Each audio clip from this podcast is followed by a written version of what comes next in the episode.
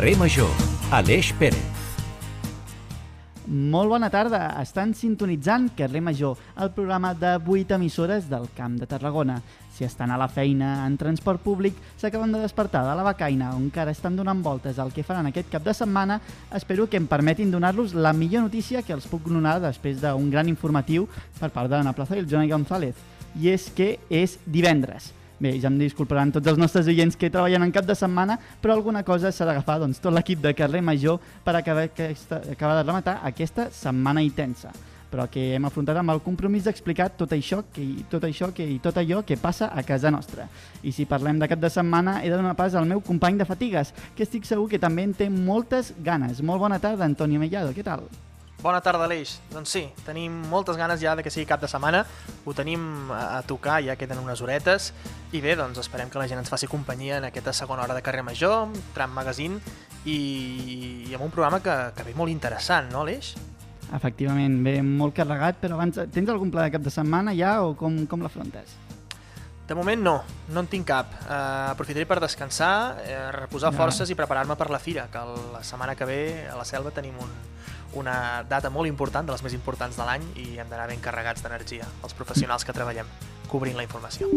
Efectivament, ja en parlarem d'aquesta fira la setmana vinent, que de temps en tindrem de sobres, i aquest programa, doncs, recordar que no seria possible sense les 8 emissores que permeten que dia rere dia l'Antonio i un servidor envaïm les seves zones. Baixcamp Ràdio, Ràdio L'Hospitalet, Altafulla Ràdio, Ràdio Montblanc, Ràdio Ciutat de Tarragona, la nova Ràdio de Reus, Ona la Torre i Ràdio La Selva, sempre amb la complicitat de la xarxa. Com a director d'orquestra tenim avui a l'Eric Rosique, que ens acompanyarà. Som-hi, fot-li, Eric!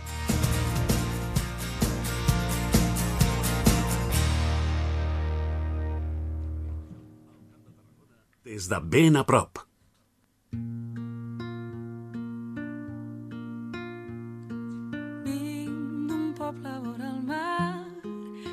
Els seus amors en una platja sense arena. Bé, doncs amb aquesta música tan íntima és hora de presentar a la persona que entrevistarem en aquest primer tram de, del magazín local, el regidor de Cultura de l'Ajuntament de Reus, el Daniel Requesens. Hola, molt bona tarda i gràcies per venir. Bé, primer de tot, voldria doncs, començar preguntant què és el cos, no? perquè potser la gent de Reus sí que està més avasada o sí que està més al dia de què és aquest festival, però què s'hi pot trobar la gent de tot el Camp de Tarragona que ens escolta? Doncs ens trobarem eh, tot un seguit d'espectacles en el que el cos, evidentment, és el protagonista i, per tant, eh, de les arts en viu, de l'art gestual, del moviment, amb un pes important de la dansa, amb peces, diguem-ne, més o menys curtes, eh, però molt intenses, i que, per tant, vesteixen la ciutat eh, doncs això, d'arts escèniques, d'arts en moviment i de força dansa. Bon, bona tarda, Daniel. Uh, quins artistes i quins espectacles tenim programats per aquesta edició de 2023? Doncs eh, tenim una mica, una mica de tot uh, i deixem, deixem destacar que com sempre o com fa molt de temps eh, apostant de manera molt clara pel talent local, pel talent local en, en tots els sentits. Eh? Artistes més emergents i artistes que ja, han, ja s'han fet grans, que han marxat, eh, que han, eh, han anat treballant força per fora, però que aleshores tornen o volem que tornin, volem que tinguin també el seu moment aquí, com pot ser el cas del, del Marc Jovete o com pot ser el cas dels germans Álvarez.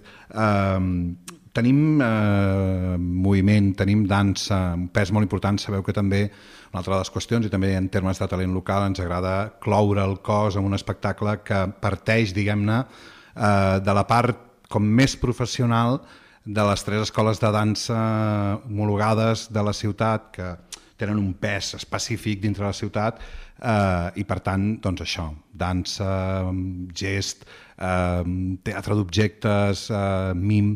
Jo crec que tenim eh, una mica de tot eh, perquè tothom hi trobi la peça que més li avalleixi. I a més també és una oportunitat, no? una mica de treure pit de tot aquest múscul d'artistes, de, de, de gent que, que es dedica a les arts escèniques aquí al territori, ja sigui de manera amateur o professional.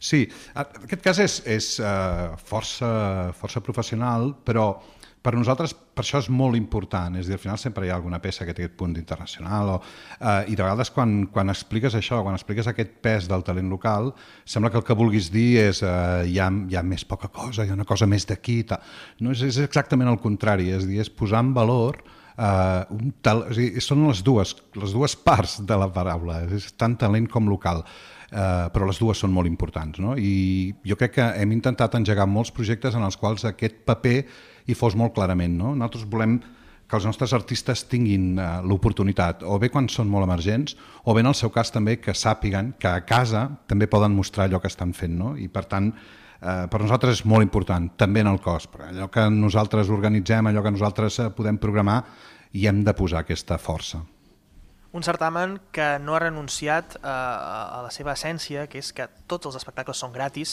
es fan en llocs públics. Uh, la importància, no, si em pots destacar, Daniel, la importància de, de, de poder acostar tan directament al teatre gestual als, als reusencs, reusenques i la gent que vingui, que vingui a, a visitar-nos. Sí, i a més a més, fixeu-vos que um, també som sovint curosos amb, amb els espais on passen. No? Aquest any tornem a tenir molt de protagonisme pel Mercadal, que és aquest espai central de la ciutat, i per tant també volem que la gent es trobi aquest art eh, de cop, que, que s'hi enfronti fins i tot sense voler, no? Um, i, i en aquest cas també doncs, això, el Fortuny, el Bertrina, però uh, aquesta gratuïtat dels espectacles també és, és una d'aquelles velles discussions al voltant de si cal pagar o no cal pagar, perquè si no es paga no es valora.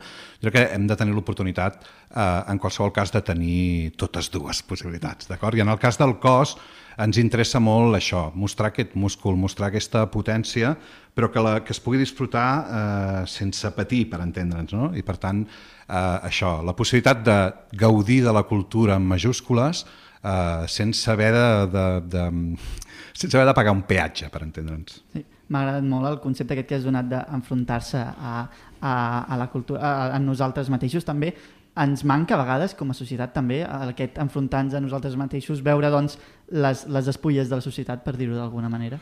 Jo crec que sí, a més a més, eh, deixeu-m'ho dir, eh, jo, jo que tinc 50 anys, eh, és aquella edat que ja comença a sentir-te molt gran i de vegades encara ets molt jove respecte d'aquí. Eh? Vull dir que no, no és una qüestió d'edat, però sí que és veritat que eh, venim d'una pandèmia, ara mateix estem en un conflicte, el cas de, d'Israel i Palestina, eh, la guerra a Rússia-Ucraïna. És dir, tenim eh, un moment especialment dur en el qual la cultura té i ha de tenir un paper molt important. Per tant, la possibilitat, per una banda, del gaudi, del lleure, de la desconnexió, però alhora també de la reflexió, de la, de la possibilitat de que la bellesa ens abordi, no? I encara que soni com ara com molt intens, si m'ho deixeu dir, eh? eh, és veritat, jo crec que és necessari i que per sortosament, nosaltres parlem molt a Reus de la programació estable, sortosament a Reus passen moltíssimes coses i moltes de bellíssimes, no? I per tant, jo crec que val la pena, eh, val la pena enfrontar-s'hi, val la pena trobar-s'hi i de vegades, eh, per exemple, el, peu, el preu d'una entrada pot ser una excusa més que un obstacle i de vegades no. Per tant, la possibilitat de que hi hagi l'oportunitat de poder gaudir d'espectacles com els que presentem en el cos, jo crec que és, és, és un gran què per la ciutadania i, de fet, per tot el territori. El cos vol donar continuïtat, no? vol ser una... És, ja està donant continuïtat a una programació estable i també des de la vostra regidoria de cultura no? la, la intenció de, de tenir cultura a Reus durant tot l'any. No? El cos seria un d'aquests punts, però n'hi ha molts més no? durant l'any? Sí, de fet, és allò, um, tenim com, com unes peces molt claus, algunes de molt històriques, algunes de molt consolidades, que ens permeten tenir grans moments al llarg de l'any. El cos eh, podria, podria ser un d'aquests festivals, no? però també sovint parlàvem de la idea que, mm, que els festivals amb, amb una cosa que ve, passa i se'n va i, i no en queda pòsit. No? En aquest cas, per exemple, en el que el pes de la dansa és important a la ciutat, doncs no seria exactament el cas. No? Però això, aquests grans moments, parlem per exemple del trapezi i lògicament les festes majors, no? però aleshores també tenim la programació del teatre Bertrina, la programació del teatre Fortuny, i per tant totes aquestes peces que són com molt lògiques, molt naturals, i més en una ciutat gran com la nostra. No? Però alhora doncs, tota una sèrie de programes que, que ens ha permès doncs, posar jazz, posar música contemporània, continuar mantenint aquesta voluntat eh, per tenir una fortalesa en, en el cas de la música clàssica a través de l'associació de concerts, eh, el Circ Leonard eh, al llarg de l'any. Eh, la possibilitat aquesta per nosaltres és molt important, que Reus batega culturalment tot l'any no només els caps de setmana, no només quan són festes, sinó la possibilitat de, de tenir això, música en viu, de tenir espectacles de dansa, de tenir circ, i per tant mm, gaudir de la ciutat però al llarg de tot l'any i no estar sempre només pensant en quan arribi la festa major, perquè quan arriba és una explosió espectacular, de vegades més i de vegades menys, però no cal que tot acabi recollit en aquests tres o quatre grans moments de, de l'any. I si comentaves això de que aquests tres moments, quatre moments a l'any on, es, on es, es concentra no, tota aquesta cultura, també permet-me fer un petit apunt també que no només també és el temps, sinó en l'espai. No? Jo crec que és un dels grans deures i veient una mica el programa sí que es veu que realment més enllà del tom de Ravals és complicat també trobar espais o propostes culturals fora, diguem, del centre de la ciutat. I treballem moltíssim, moltíssim, vull dir moltíssim, uh, per fer cada cop més gran la ciutat en aquests termes. No? Per exemple, jo us parlava del Circ Lunar, que és un espectacle de circ eh, a l'any, ai, al, al mes, no? i per exemple vam començar uh, amb aquest projecte a La Palma com l'espai natural, i que tampoc ja no és tom-tom, però ja l'any passat el que vam fer va ser repartir-lo al llarg de les, de les uh, escoles de la ciutat i per tant escoles eh, en molts punts de la ciutat. No? Hem treballat moltíssim al Mas Iglesias o la zona del Mas Iglesias, una mica també amb aquesta voluntat, amb els contes eh, a la boca de la mina. És dir, anem intentant enxamplar la ciutat i també, eh, més enllà d'aquesta mena de mantra de no marxem del tom de Ravals, quan surts del mantra i el que fas és mirar de programar, a la ciutadania li costa moltíssim, no? quan en realitat sovint són 12, 15, 17 minuts màxim des de la plaça del Mercadal sí. d'arribar-hi. No?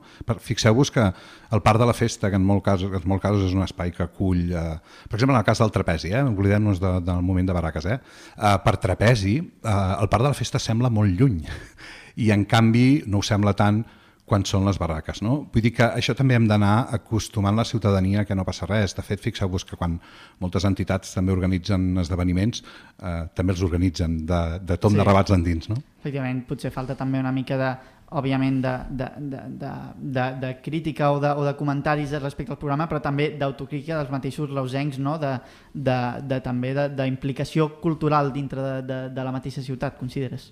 Sí, de fet, eh, fixeu-vos, eh, quan deia hi anem, hi anem, fa no res eh, també presentàvem el, el programa del Fils, que és, que és celebra, diguéssim, l'aniversari de la Biblioteca Peranguera, que per tant també doncs, comencem a tirar una mica més avall del punt on ens trobem ara mateix, no? i en aquest cas doncs, hi, haurà, hi haurà un taller, hi haurà un concert, és dir, hi haurà diferents esdeveniments. No?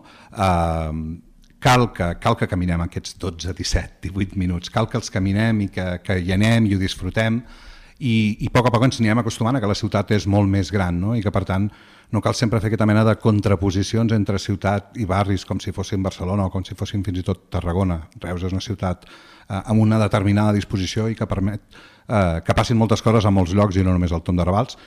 I anem anant, eh, tant nosaltres eh, mirant de programar com acompanyant aquells que, que intenten fer-ho, però sobretot convidant a la ciutadania a que després hi participi com també feu participar a través d'aquest cos eh, als escolars, als nens i nenes de Reus, que és important també fer-los doncs, eh, fer partíceps de tot això. De fet, eh, heu organitzat el taller Estima't en Moviment, no? i el mm. taller de dansa adaptada Somriu Dansant, que s'ha fet durant tota aquesta setmana a diferents doncs, escoles d'educació especial de Reus. Suposo que també voleu involucrar activament no? els més petits de casa en el cos?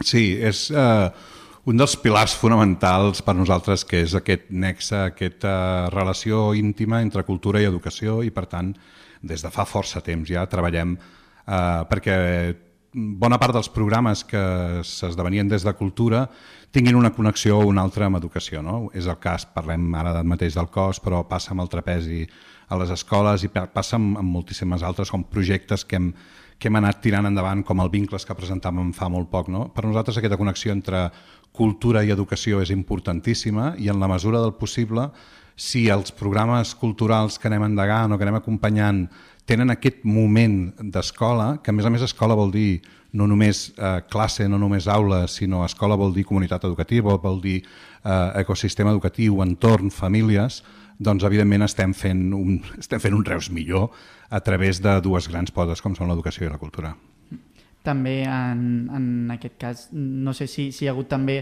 com, com ha afectat el, el pressupost també que té cultura i més o menys destineu al cos. No sé si ha augmentat, si ha disminuït respecte a l'any passat. Com, com heu enfocat també aquesta programació amb el condicionant econòmic? Estem en, en unes línies eh, semblants a les de sempre. Eh? Ara no et sabria dir exactament la quantitat, però eh, no l'hem rebaixat ni l'hem pujat. Jo diria que estem en, en uns nombres més o menys semblants i també doncs, per, per anar tancant una mica l'entrevista, però tot i així aprofitant que ets el regidor de Cultura i també posa, eh, tenim aquí a Carrer Major, hi ha hagut una pujada no? aquest any d'un 19% en quant a, a la partida pressupostària pel, per la regidoria de Cultura, també una mica. En, quin, en quines vessants s'està treballant des de l'àrea tècnica, quins són els objectius? I, i cap a on han destinats també aquest, aquest, aquest augment de, de diners. Celebro que, que, que en facis un fet perquè et diria que eh, el ple està previst pel dia 27, per tant, eh, de moment és una projecció, encara, encara no és un fet aprovat. Eh, ho hem, ho hem explicat sovint de vegades ha sonat com a excusa. Eh, el cert és que eh, la cultura costa molts diners, això és així, eh, i sovint explicar números sona molt malament i, i quan en fas algun esment sembla que diguis, va, així és com ho valores, no? Um, hi ha hagut una inflació importantíssima en bona part de les accions que nosaltres duem a terme i per tant això vol dir que entre altres coses era imprescindible adequar al màxim allò que és la despesa real amb aquella despesa que era la, la normal, la convinguda, l'establerta i que ens costava molt de, de fer-ho entendre. Per tant, hi ha, un, hi ha un propi creixement però necessari eh, que té a veure precisament amb, amb aquesta aquesta inflació, per entendre'ns, i per una altra banda hi ha algunes, algunes peces que ens quedaven molt, molt, molt marcadament eh, eh, dificultades, com era l'espai de lleure de la Festa Major, per exemple, és una d'aquestes velles reivindicacions, per tant esperem que puguem almenys treballar-hi eh, una mica més. Exacte, s'ha vist no? la comparativa també respecte a altres municipis i, i que també és una cosa que s'ha comentat bastant per xarxes, no? al final també quan, quan vau comentar a la presentació de les festes de misericòrdia que el pressupost doncs, s'havia complicat també, que, que és una feina també de, de, de, prevenció no? o d'anticipació el que està passant. És, és més d'adequació, és dir, al final el que sabem és, eh, és una despesa que, que acabem tenint no? i el que passa és que el que et permet adequar eh, des d'un bon inici aquella despesa que és absolutament previsible que tinguis eh, et permet treballar molt més bé, per tant, amb moltes menys presses, molt més ben eh, planificat i programat. No? Però en tot cas, eh, fixeu-vos que eh, el que és important és treure el màxim partit d'aquells eh, eh, instruments que tens. No? I per tant, ara fa un moment parlàvem de programació estable, jo et diria que eh, igualment amb aquestes limitacions eh, més o menys lògiques i que passen a tot arreu i a tots els àmbits, no només a cultura, doncs hem tret eh, força rendiment d'allò que teníem. Doncs per acabar de tancar l'entrevista, eh, el, li preguntaré al Mellado uns quants espectacles que hi haurà aquí al cos i m'agradaria que et mullessis si vols i pots, de quin doncs, no, no et perdràs, almenys en el teu cas. Doncs mira, Aleix, uh, ara en, re, en 40 minutets comença uh, Un Mortal uh, a la plaça del Mercadal. Serà un espectacle itinerant, dura 45 minuts aproximadament. Al mateix espai, a la plaça Mercadal, a dos quarts de set, tindrem Com t'estimo amb Marc Jovete i ja et dic, eh, hi ha moltes activitats a la plaça Mercadal, per exemple, a dos quarts de nou del vespre tindrem Cospres amb la companyia Kimani, un espectacle que durarà una mitja horeta. Ja entrant en dissabte tindrem Històries d'objectes perduts, Hop, en viu al teatre a La Palma, a dos quarts de set de la tarda, un espectacle gratuït però amb reserva prèvia a inscripcions.reus.cat. També tindrem aperitivo de Los Informals a la plaça del Mercadal, també a dos quarts de, en aquest cas dos quarts de vuit de la tarda i el Bertrina eh, a dos quarts de, 8, ai, de 9 perdó, tancarà sota el ventre de la tortuga.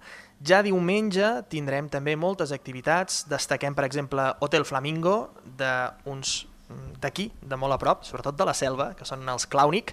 Els tindrem al Teatre Fortuny a dos quarts de set de la tarda, un espectacle de poc més d'una horeta per a tots els públics i on els somriures estan assegurats. I el que tancarà formalment el cos 2023 serà Identitario, al Teatre Bertrina a dos quarts de set de la tarda. Aquests, així molt per sobre, són algunes de les activitats, de les moltes activitats que tindrem aquest cap de setmana a Reus i ara doncs li, li traslladem la pregunta al regidor de Cultura de Reus. Uh, quin espectacle no et perdràs, Daniel? Doncs eh, semblarà que no em vull mullar, eh? però també els que em coneixen saben que eh, intentaré no perdre'm en cap, i us ho dic eh, seriosament, i com que, tal com dèieu vosaltres, bona part dels espectacles tenen una durada eh, que ho permet, eh, intentaré veure'ls tots, perquè de fet n'hi ha molts que em fan gràcia per veure com han evolucionat, alguns per veure per on van, eh, i uns altres eh, que tinc realment curiositat perquè no els conec prou.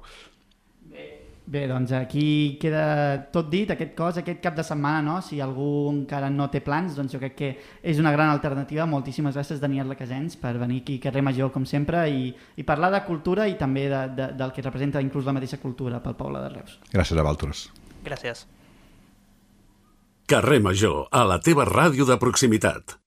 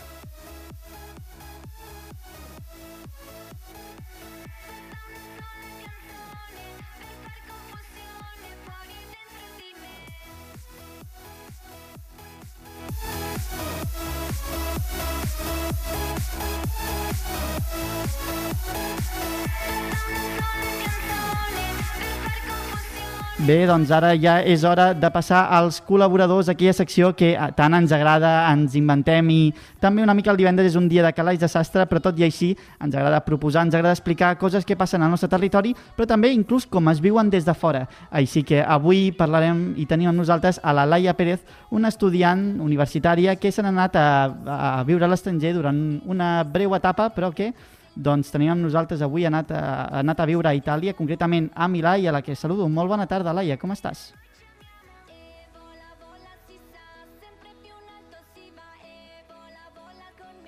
Hola?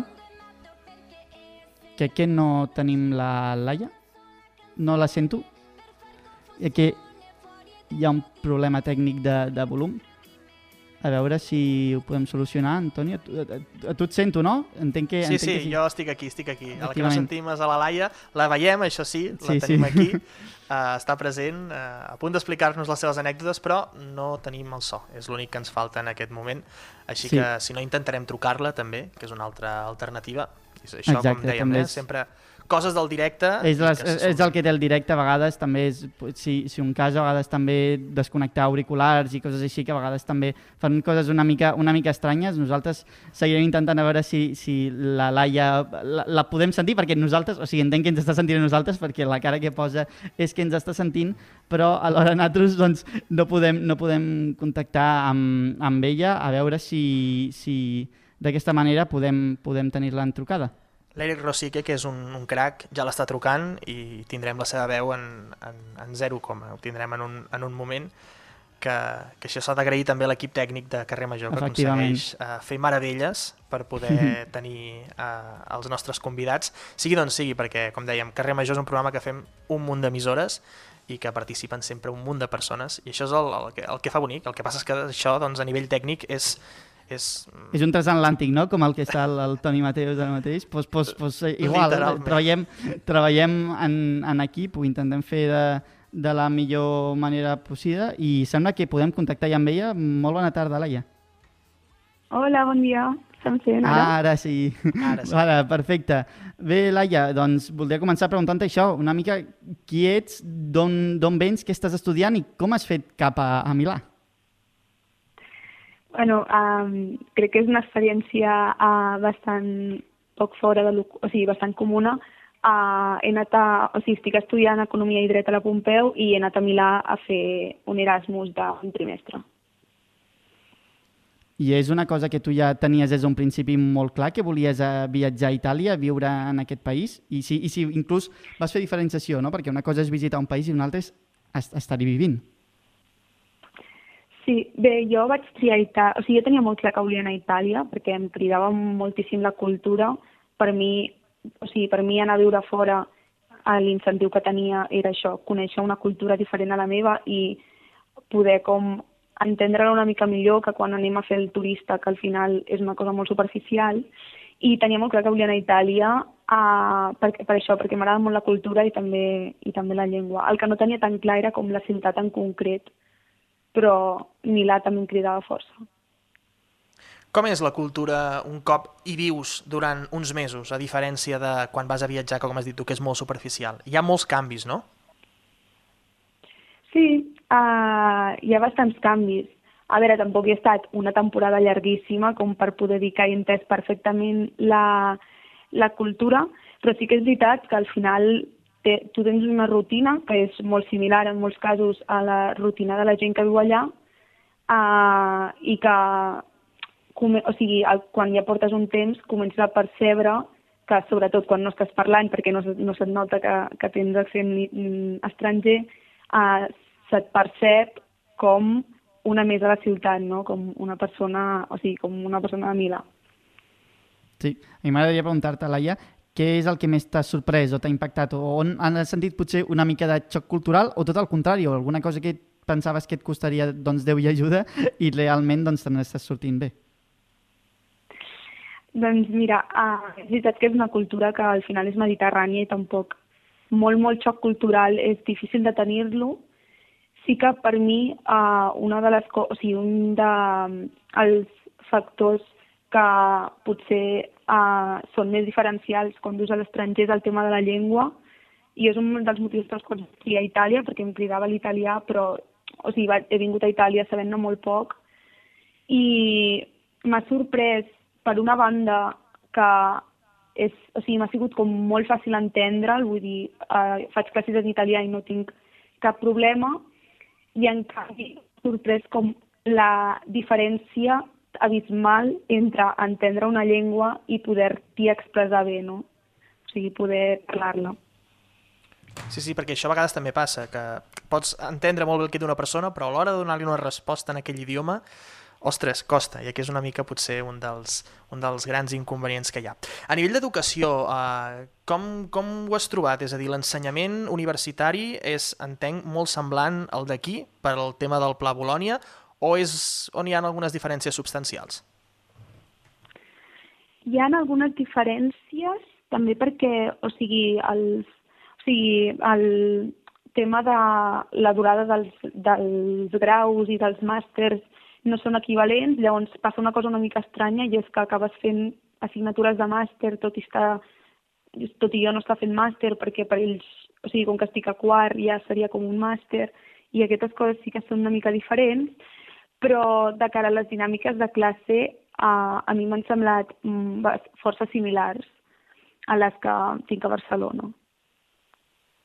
I també una cosa que et volia preguntar i és que al final Milà és una ciutat cara, no? És un lloc on realment el cost de la vida és molt alt. No sé exactament com t'ho has fet per trobar allotjament, en quines condicions estàs vivint allà, inclús per anar al supermercat, no? Que és una cosa que bàsica, elemental i que potser has de, has de mirar també. O sigui, uh, això jo crec que és de les coses, de la gent que ha, vingut aquí d'Erasmus i que ho hem parlat, i és de les coses que més ens ha sorprès perquè tenim com la...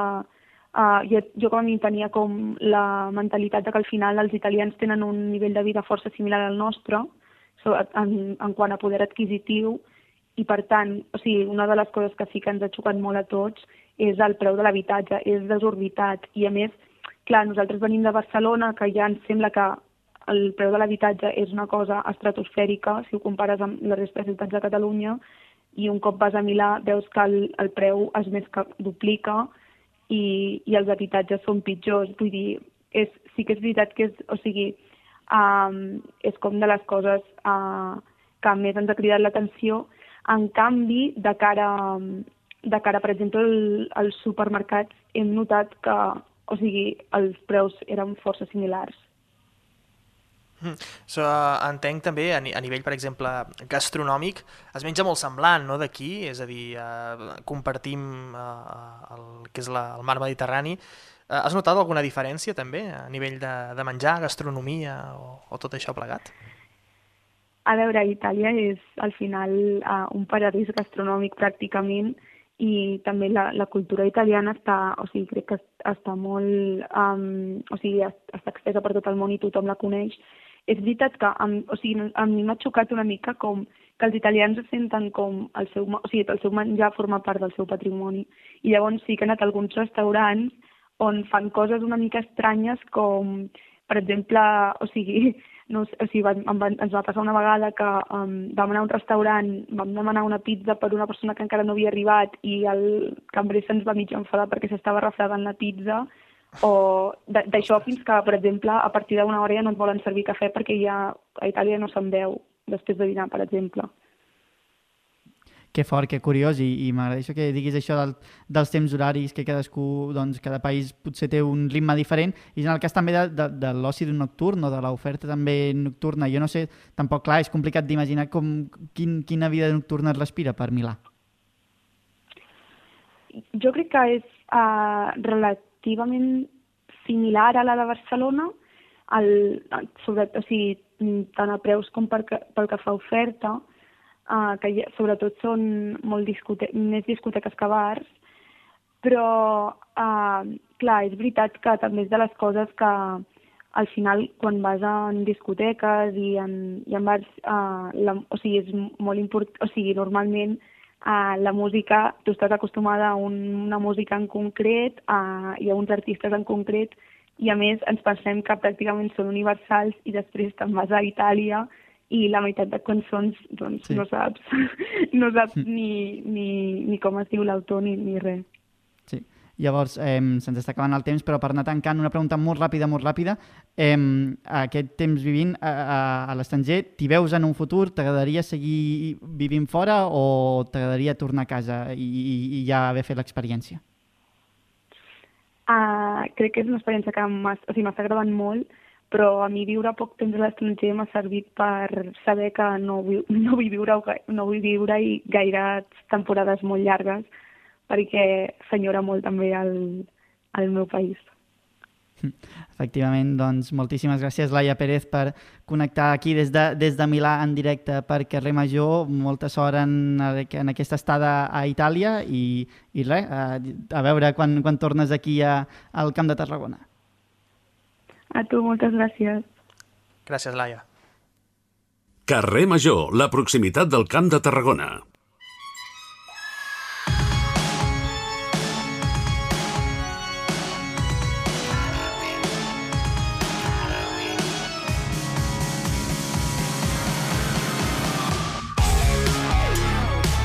A veure, Antonio Mellado, què és això?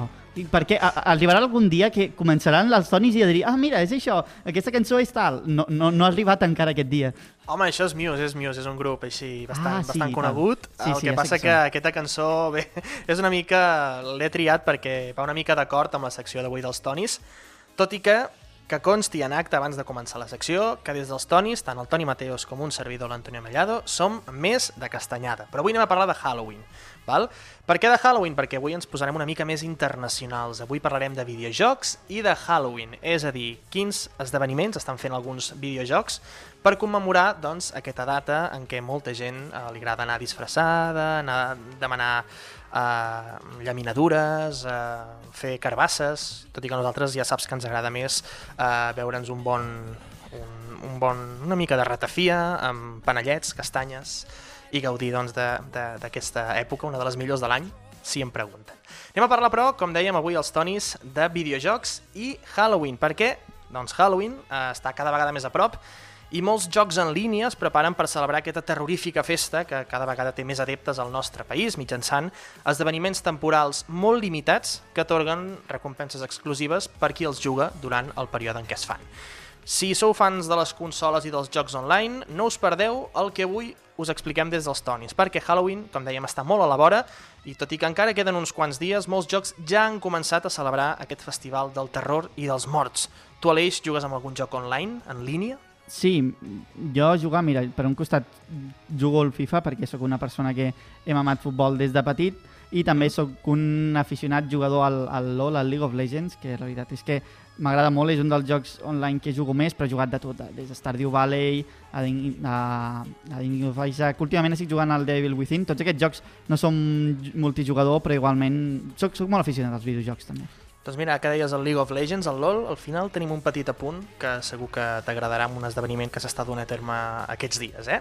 Comencem, però, amb videojocs i Halloween. Comencem amb el Call of Duty i el Modern Warfare 2, que celebren la seva temporada 6 amb un esdeveniment temàtic de Halloween. Se li diu l'Operació Nightmare, o l'Operació Malson, que va arrencar el 17 d'octubre amb el retorn del mode de joc Zombies Royal, al costat d'altres tantes novetats així terroríficament divertides, que es diu que és una expressió que a vegades potser s'utilitza inclús massa. Tenim noves maneres de jugar, també tenim armes especials temporals i quatre nous mapes multijugador. Pels amants dels trets i una de les sagues més consolidades de la història dels videojocs, doncs aquí teniu Call of Duty i el seu Modern Warfare 2. Que us agraden també altres jocs multijugador? Doncs no us preocupeu perquè tenim Overwatch i Diablo 4, que són jocs de la companyia Blizzard, que celebra un esdeveniment conjunt la nit de tots, de tots sants. Overwatch 2 rebrà un crossover amb Diablo 4, és a dir, que aquests dos jocs, els seus protagonistes, els seus personatges, el, seva, el seu context, la seva història, doncs s'entrecreuaran en un festival eh, doncs, que es farà per aquestes dates. Una skin, és a dir, un personatge de Lilith per a la Moira o l'arribada del fos poble de Tristram s'unirà al joc Shooter, és a dir, de disparar amb el recent llançament de la companyia, amb aquest Diablo 4. Per descomptat, tampoc podem oblidar la temporada de la sang que va arrencar Diablo 4 el 17 d'octubre i que ens submergeix en un nou contingut amb temàtica vampírica molt relacionat amb aquesta festa. Però si estem parlant de videojocs en línia, hem de parlar del rei entre els reis, com és el Fortnite, que qui més qui menys hi ha jugat alguna vegada a la seva vida com és el cas d'un servidor, jo vaig durar jo 10 minuts jugant al Fortnite, hi ha gent més experta menys, però tots eh, hem passat hem passat d'una manera o d'una altra pel Fortnite. Doncs eh, es tracta d'un dels jocs més importants en línia i un dels esdeveniments també més esperats de l'any, com és Malsons de Fortnite 2023 o, com ho presenten ells en anglès, Fortnitemares 2023. Epic Games es posa el vestit de gala per oferir-nos una gran quantitat de contingut temàtic fins al 3 d'octubre de 2023 um, i que ja es pot gaudir des d'avui mateix amb els personatges de Fortnite, que n'hi ha moltíssims i de moltíssimes sagues. Fins i tot hi havia, em sembla, que el Son Goku, de Bola de Drac, que també està per allà com a personatge del Fortnite. Imagina't. Durant aquests dies estaran disponibles quantitats d'armes i d'objectes com una fulla vampírica, un llença carbasses o una escombra de bruixa per anar volant pel mapa. També és present de manera temporal l'estampida de l'Orde, que torna al costat de les skins, del, o sigui, dels personatges de Jack Skeleton, de Pesadilla antes de Navidad de Disney, o Michael Myers, de divendres 13, entre d'altres. Com dèiem, eh? skins, és a dir, personatges exclusius en aquestes dates tan terrorífiques. De Fortnite passem a Destiny 2, un altre dels jocs que, tot i que aquí a l'estat potser no té gaire tirada, és molt popular, sobretot als Estats Units. La festa de les ànimes perdudes de Destiny 2 tornarà a celebrar-se el del 18 d'octubre al 8 de novembre. Eh, els jugadors podran gaudir i molt d'un esdeveniment anual que començarà que començarà si, aquí us donem un petit truc, si aneu a parlar amb el personatge d'Eva al pati de la torre del joc. Així és com s'inicia aquest esdeveniment. Després de completar les parts encantades d'aquest joc, es, podrà aconseguir una quantitat de recompenses com a caramels que es podran intercanviar per contractes de la festa, màscares especials o un casc especial per a l'ocasió que es diu el casc de la mascarada. Uns dies eh, doncs molt atrafegats, si sou fans de Destiny 2, i us agrada el Halloween. Anem a un altre, com és Pokémon GO, que Pokémon GO jo crec que també és un d'aquells jocs que sobretot el 2016, a l'estiu, tothom va sortir a donar un tomb pel seu poble, a la seva ciutat, a buscar Pokémons. I jo em sé de gent que encara hi està jugant. I que... Jo sóc... Eh, tu... Jo sóc aquesta persona, Antonio Mellado. Doncs Però, o sigui, jo faig una faig una cosa jo, jo o sigui, durant tot l'any no hi jugo, però quan arriba l'estiu, que has de caminar, que vas a llocs, que et mous, que fa bon temps, dic, mira, ja que he de caminar, almenys do, que em doni la sensació de que ho estic aprofitant de veritat. I tant, i tant, doncs mira, doncs Aleix, això t'interessarà, perquè Pokémon GO s'ha avançat i ja porta bastants dies celebrant el famós truc o trato. Eh? Aquest esdeveniment compta amb diverses fases que es van desbloquejant cada setmana i que permetran fins al dia 31 d'octubre, el dia de Halloween, accedir a recompenses especials pel Pokémon GO. A més, podem esperar que hi hauran bastants Pokémon de tipus fantasma per a aquestes dates, com no podia ser d'altra manera. I altres eh, propostes terrorífiques? Doncs encara ens en queden moltíssimes altres. Eh? Per exemple, a World of Warcraft, que no sol fallar mai tampoc en aquesta cita, un dels RPGs dels jocs de rol més veterans de la història dels videojocs, doncs tindrà un esdeveniment especial, igual que Apex Legends amb Respawn, que és doncs, ressuscitar. Eh? I es rumoreja que el sempre en expansió Final Fantasy XIV potser ens dona alguna sorpresa aquests dies de Halloween, tot i que serà una mica més inesperada. Halloween, com estem veient, com hem vist, serà present en gran quantitat de videojocs en línia multijugador, que faran d'aquests dies una experiència renovada amb una gran quantitat de skins, com diem, de personatges, de recompenses exclusives i un llarg etc. I com hem dit, Aleix, abans d'acabar la secció, tenim una notícia que segur que també t'interessarà, com són els Worlds 2023. Suposo que ja saps de què estem parlant. Però qui no ho sàpiga, què és? Doncs és un dels esdeveniments més esperats de l'any per tots els seguidors de League of Legends. És aquesta celebració dels Worlds, el campionat mundial en què els millors equips de cada regió s'enfronten entre ells per comprovar qui és el millor de tots. Això sempre ens deixarà amb combats del League of Legends molt emocionants al llarg de diverses setmanes en aquesta nova edició i aquest any sembla que no serà una excepció. Aquesta vegada el campionat se celebrarà a Corea del Sud i els diferents grups ja estan preparats per donar-ho tot eh, per tal de aixecar el seu codiciat sí. trofeu, com va fer l'equip DRX l'any passat. Uh, per dir-vos, va començar la fase suïssa el dijous, ahir 19 d'octubre, i s'allargarà fins al 19 de novembre, que tindrà lloc la final. Per tant, un mes sense parar amb un uh, campionat que es podrà veure en la seva totalitat a través de Twitch, la plataforma morada de streaming que doncs, viurà una gran revifada aquests dies amb el Worlds 2023 de League of Legends.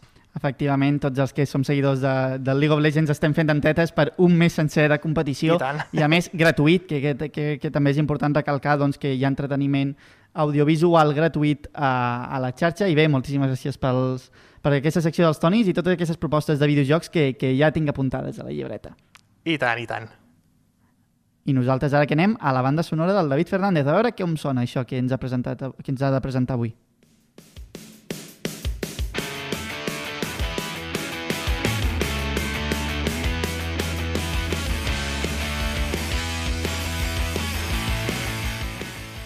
Ben canyero, eh, avui, el David Fernández. Torna a la canya, eh? Vam començar Sí, la setmana sí. amb canya i acabem eh, a tope, a tope per, per gaudir d'aquests dies de, de festa. Doncs mira, no faré més demora. A veure què ens ha preparat avui el David Fernández. Molt bona tarda. Hola Aleix, hola Antonio. Avui volíem acabar la setmana igual com la vam començar amb una proposta enèrgica i per això ens aturem a la ciutat de Tarragona per escoltar els Barones, un power trio que es va fundar l'any 2017 i que des de llavors han editat un primer treball discogràfic que tot just es va publicar al mes de febrer d'enguany. Es diu Veneno, són set cançons, segons diuen ells, de rock clàssic amb tocs de punk i riffs enèrgics de guitarra que condueixen veus melòdiques sobre una potent base rítmica. Un disc que s'ha editat amb LP en format vinil i que també podeu trobar a totes les plataformes digitals. I avui us posem els barones perquè estan d'enhorabona perquè la setmana vinent, el dissabte 28 d'octubre, serà la formació que obrirà el concert de Celtas Cortos a la Tàrraco Arena Plaça. Per tant, una ocasió de luxe per tal de descobrir aquesta formació que practica rock and roll, com diem, de la ciutat de Tarragona. Avui, doncs, els varones i aquesta recomanació del concert que faran amb Celtas Cortos centren la banda sonora del Dia del Carrer Major. Doncs hem sentit aquí el, aquest dos per un que ens regala el David Fernández per acabar la setmana i no podem acabar la setmana de cap altra manera que agafant la furgoneta del nostre estimat Miquel Llevaria, que crec que el tenim ja en directe aquí a- per streaming. Molt bona tarda, Miquel Llevaria. On estàs i de què ens vindràs a parlar avui? Bona tarda, Aleix. Doncs mira, jo ara mateix estic en una de les poblacions, ja ho he dit alguna vegada en directe, tinc que admetre, Baix és una de les poblacions de les meves preferides i que justament perquè ofereix moltíssimes coses i justament és que estem en el cap de setmana fort de Santa Úrsula, és a dir, es parla molt de castells i quina millor manera de parlar de castells que venir a la Fira Castells, que justament s'està acabant d'ultimar els últims detalls d'aquesta fira en la qual hi han diversos estants, aquelles persones que ens segueixin a través del servei de streaming a la carta ho podran veure i justament la persona que m'acompanya és potser de les millors que hi ha per poder parlar de la Fira Castells és Santi Terraza, que és el director de la revista Castells. Moltes gràcies per acompanyar-nos uns minutets a Carle Major. A vosaltres. Escolta, la cosa fa bastanta patxoca ara mateix. Eh, últims detalls per acabar d'última aquesta Fira Castells, que estarà oberta durant tot el cap de setmana? Sí, obrim, ara com, obrim a les 6, fem la inauguració a les 7 i estarà oberta doncs, eh, demà tot el dia, matí i tarda, i diumenge també al matí, des de ben d'hora del matí, i fins a les 6 de la tarda. Hi ha una petita pausa a l'hora de dinar, fins a les 6 de la tarda perquè després començaran els actes d'inauguració del Museu Casteller. Uh -huh. Els actes d'inauguració del Museu Casteller, que és una de les coses que ha cridat més l'atenció de cara a aquesta Fira de Santa Úrsula, però parlem de la Fira Castells. Les persones que ara mateix ens puguin estar escoltant doncs, a qualsevol part del Camp de Tarragona, eh, si s'acosten aquí a la Fira Castells, què s'hi trobaran? Doncs trobarem productes, fins a 200 productes diferents de temàtica castellera. I hi ha productes doncs, de marxandatge, pròpiament, genèrics, no pas de colla, sinó genèrics. Hi ha figures, hi ha elements de decoració, hi ha penjolls, hi ha estutjos, hi ha altres elements de, de material escolar, altres de llibreria pròpiament, hi ha dues, eh, un, un estand d'editorials i un altre de llibreria, en què hi ha llibres de castells, però de cultura popular també, i de, de cultura de proximitat, i hi ha fins i tot vins eh, relacionats amb el món dels castells, perquè són doncs, noms que, que, que, que estan vinculats als castells. És a dir, tots els productes que hi pugui haver de temàtica castellera, doncs els hem ajuntat a través doncs, de diferents artesans, de diverses associacions, diverses empreses, i els exposem i els posem a la venda. I, a més a més, cada estant també doncs, eh, organitza activitats, activitats obertes, eh, que són participatives, algunes per la canalla i altres per públic més adult. Vins, eh, proposta gastronòmica enmig de les castells, això eh, m'ha agradat, la veritat. En tot cas, eh, també te volia preguntar per al fet de que la Fira Castells ja porta un bon temps de, de, de recorregut. Corregeix-me si és així, però va, la primera edició va ser a l'any 2011, potser.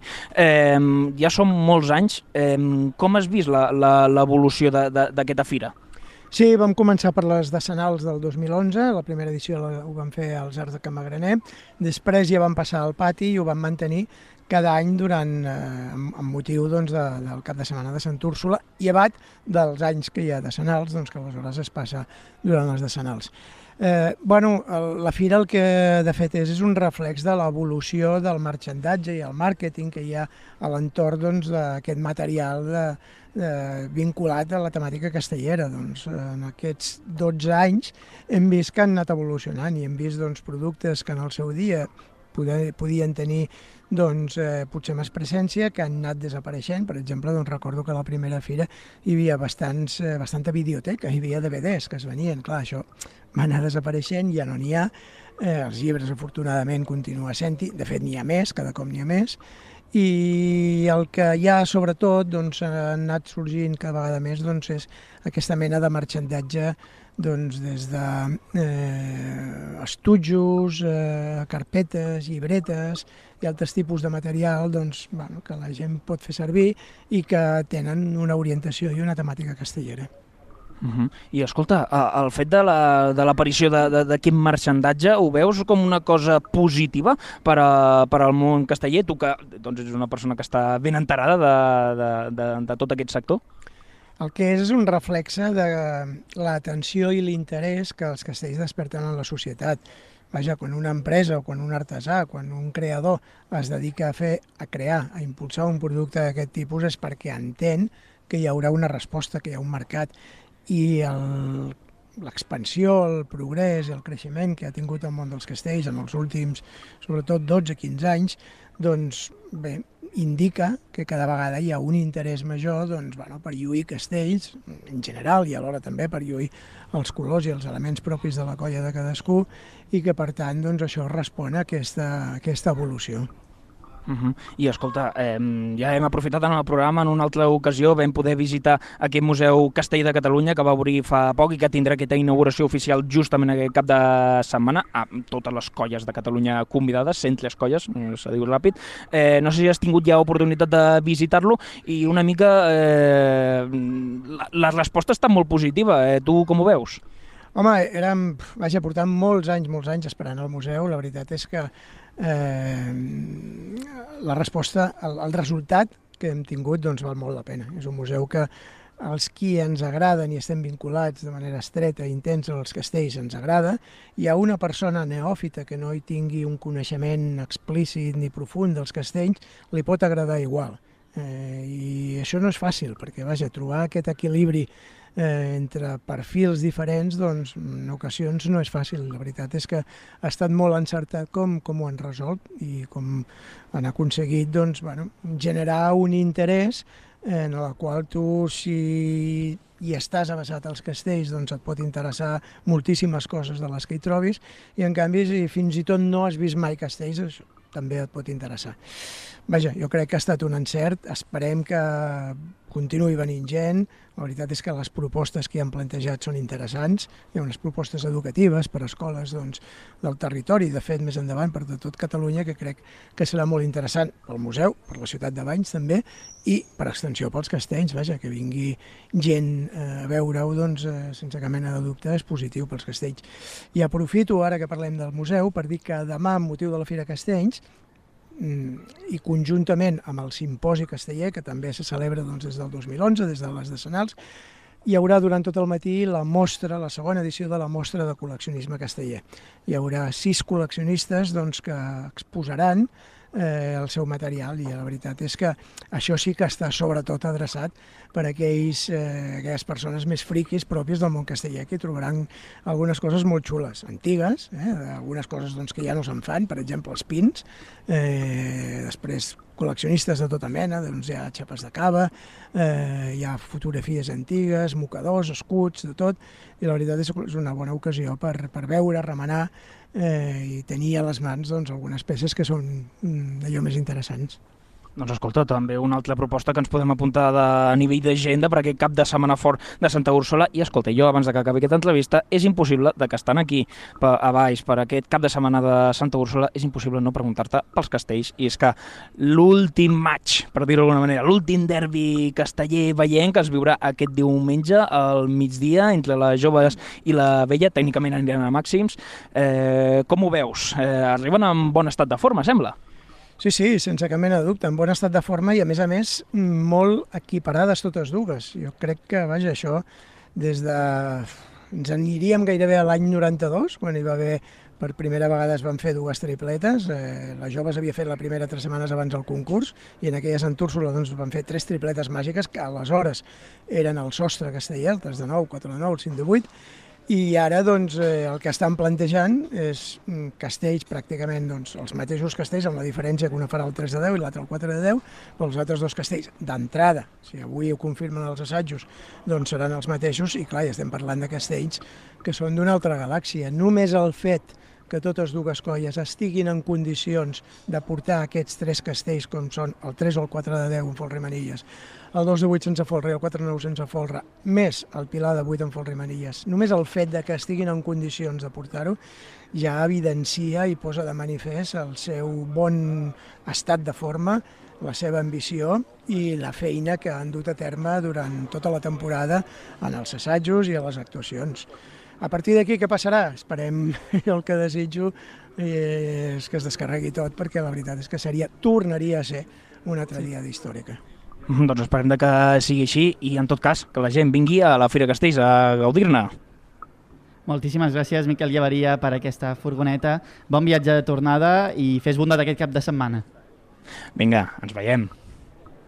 I bé, jo no vull posar aquest punt i final a la setmana de Carle Major sense acomiadar-me del meu estimat Antonio Mellado. Molt bon cap de setmana, Antonio. Igualment, bon cap de setmana, Aleix. I us deixem doncs, després d'aquesta setmana de Carrer Major i tornarem dilluns amb més actualitat, amb més magazine, amb més Carrer Major. Vagi bé!